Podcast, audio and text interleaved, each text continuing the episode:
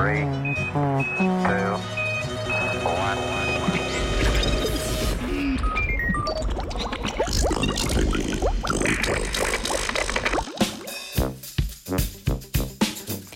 Dnevno postenje.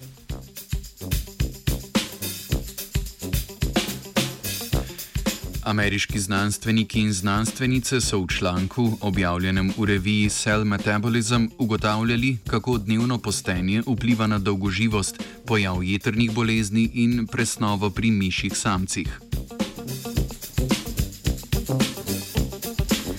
Pomen prehranske sestave in vzorcev hranjenja pri staranju ostaja večinoma neraziskan. Zato se je zgoraj omenjena ekipa odločila narediti poskus, s katerim so neposredno primerjali tri načine prehranjevanja pri miših. Prvi je temeljil na pravilu ad libitum, kar pomeni, da so miši prejemale obroke po želji, kadarkoli so želele. Drugi način je baziral na 30-odstotni kalorijski omejitvi, kar pomeni, da so miši prejemale 30 odstotkov manj kalorij v obroku od priporočene dnevne količine. Tretji princip pa se je osredotočil na hranjenje z enim obrokom na dan, ki je bil kalorično primerljiv z drugima dvema načinoma.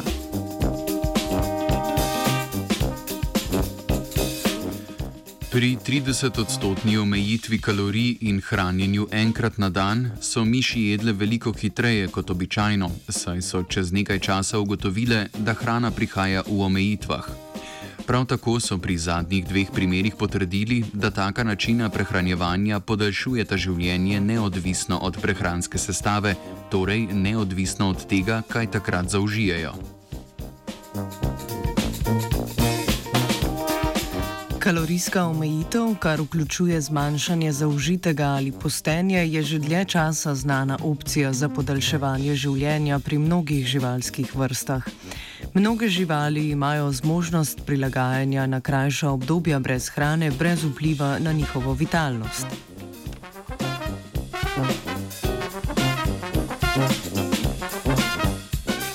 Eksperimente na miših so delali na podlagi dveh diet. Ena izmed diet je bazirala na višji vsebnosti proteinov, prehranskih vlaknin, nižji vsebnosti maščob in manjši količini sladkorja, bolj zdrava dieta. Pri drugi se niso posvečali hranilni vrednosti obroka. Obe dieti pa sta vsebovali približno 60 odstotkov oglikovih hidratov. Na koncu so ugotovili, da je povezava med dieto in življenjsko dobo pod vplivom časa določenega obroka. Miši so na podlagi diete razdelili v dve skupini, pri čemer sta obe skupini prejemali vse tri načine prehranjevanja, hranili pa so jih do njihove naravne smrti.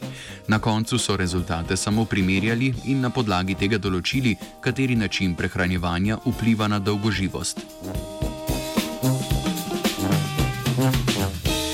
Ugotovili so, da se podaljšano dnevno postenje povezuje z zakasnjenim začetkom jedrnih bolezni. Prav tako je prehranski vzorec bolj pomemben od sestave jedilnika, ko govorimo o dolgoživosti. Pri poskusih pa so odkrili tudi, da daljše kot je postenje, bolj podaljšuje življenje. Prav tako daljše postenje privede do boljših presnovnih zmožnosti.